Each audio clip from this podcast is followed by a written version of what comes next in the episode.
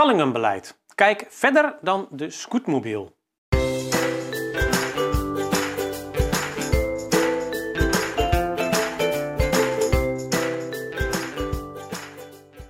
Ja, veel corporaties hebben ermee te maken en worstelen er misschien ook wel eens mee.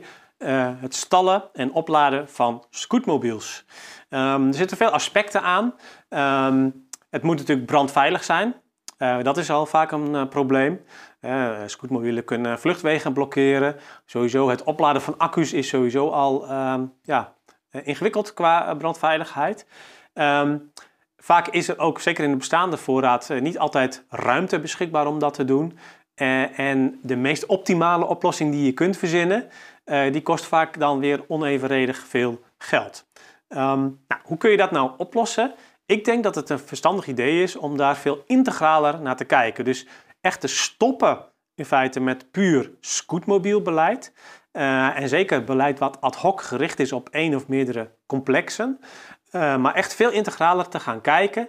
Uh, niet alleen naar scootmobiels, maar ook naar allerlei andere voertuigen. Elektrische voertuigen, dus elektrische fietsen, maar ook nou ja, steps, fatbikes. Wat heb je tegenwoordig allemaal wel niet? Um, elektrische auto's natuurlijk. En ook nog daarbij mee te nemen überhaupt de bergruimte voor uh, je huurders. Uh, en dan kun je een soort van ladder maken die, um, ja, die je gewoon af kunt lopen en in elke concrete situatie binnen je bezit kunt gebruiken. Zowel voor bestaande nieuwbouw als, zowel voor bestaande bouw als voor nieuwbouw. Um, en um, die ladder kun je eigenlijk beginnen door op de eerste trede te zetten, oké, wat moet er minimaal? Hè? Dus je bent wettelijk gebonden aan dat je natuurlijk uh, mensen die een beperking hebben en daarvoor een scootmobiel nodig hebben om dat ook te faciliteren. Um, daarnaast heb je misschien ook wel afspraken, prestatieafspraken gemaakt, waardoor je daar ook aan gebonden bent. dus dat is wat je sowieso moet doen. Um, op het moment dat je dat, uh, op het moment dat je eigenlijk op die ladder zit en dat scenario gaat uitwerken, ja, dan is het ook wat minder relevant wat dan, dan precies de kosten van zijn. Want ja, je moet het nu eenmaal doen. Natuurlijk kijk je dat het zo kostenefficiënt mogelijk kan. Um, maar ja, um, dat is dan even wat het is.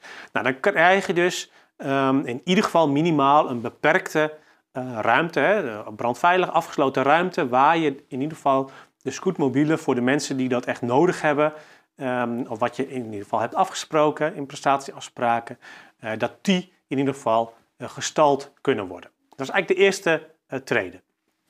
Um, een tweede trede is dat je nog wat verder gaat kijken dan dat en gaat kijken van wat is er nou um, in de praktijk echt nodig. He, dus Um, dat zijn natuurlijk niet alleen maar de scootmobiels, want er zijn ook mensen die kopen een elektrische fiets. Um, die hebben ook accu's, die moeten ook opgeladen worden. Uh, er zijn natuurlijk ook steeds meer uh, huurders, en zeker naar de toekomst toe, met een elektrische auto die ook opgeladen moet worden. Uh, en soms is dat in de openbare ruimte, um, maar soms is dat ook um, ja, op eigen terrein of in de semi-openbare ruimte, hè, waar je natuurlijk als corporatie dan ook wel iets van wilt, wilt kunnen vinden.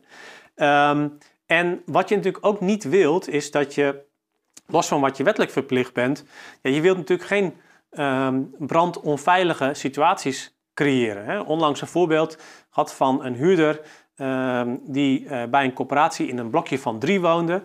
Woonde in, het middelste, in de middelste woning. Die had zijn fiets binnengezet in de gang om daar op te laden. Um, nou ja, uh, lang verhaal kort, drie woningen afgebrand. Dat is natuurlijk niet wat je wil. Um, ook al kun je daar misschien formeel dan niet zoveel om doen. Uh, en, is dat, uh, en is dat dan natuurlijk ook aan die huurders zelf om daar op een goede manier mee om te gaan. Uh, maar het is natuurlijk wel slim om als coöperatie in ieder geval te faciliteren dat mensen dat op een goede manier kunnen doen. Nou, in appartementencomplexen is het natuurlijk weer anders. Um, maar zorg er in ieder geval voor dat je hè, op die tweede treden als je wat verder gaat dan wat je misschien uh, wettelijk verplicht bent of qua prestatieafspraken verplicht bent, dat je dus echt gaat kijken van oké, wat is er allemaal uh, aan elektrische voertuigen die mensen op willen laden? Dat zal bijna in elk huishouden wel het geval zijn.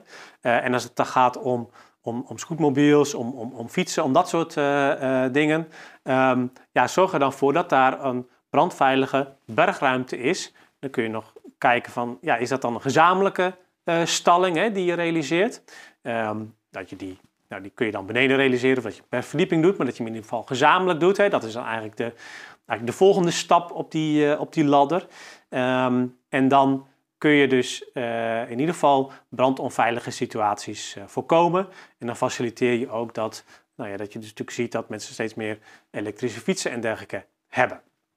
Als je nog een stapje verder gaat, ehm, dan zou je dus echt naar individuele bergingen toe kunnen, waarbij je niet alleen maar, hè, dus dat iedereen een individuele berging heeft en dat dat niet alleen maar een stalling is voor de fiets of een oplaadplek voor de fiets en andere voertuigen, uh, maar dat daar ook daadwerkelijk bergruimte is, zodat mensen daar ook wat kunnen, kunnen, kunnen, kunnen stallen. Uh, en dat het ook individueel is. Dat is ook vanuit sociaal beheer vaak, uh, heeft dat de voorkeur. dus daar hangen ook weer andere eh, voordelen aan of extra voordelen aan, die je vervolgens ook weer kunt afwegen tegen de, de extra, het extra geld wat dat natuurlijk ook uh, kost. Um, en dat is dan weer de volgende treden. Nou, als je nog een stapje verder wilt gaan, um, dan wil je misschien ook nog iets regelen voor de, de, de, omgeving van het gebouw, hè, waar bijvoorbeeld auto's opgeladen worden. Dat je daar ook in ieder geval faciliteert dat daar op goede manier laadpalen komen. Eh, dat alle huurders daar ook eh, gebruik van kunnen maken eh, en dat dat ook individueel afgerekend kan, kan worden. Dus zo kun je hem opbouwen ehm, en kun je eigenlijk in elke situatie, of het nou een bestaand complex is of nieuwbouw, kun je een aantal scenario's maken. Voor elke treden op die ladder kun je een scenario maken.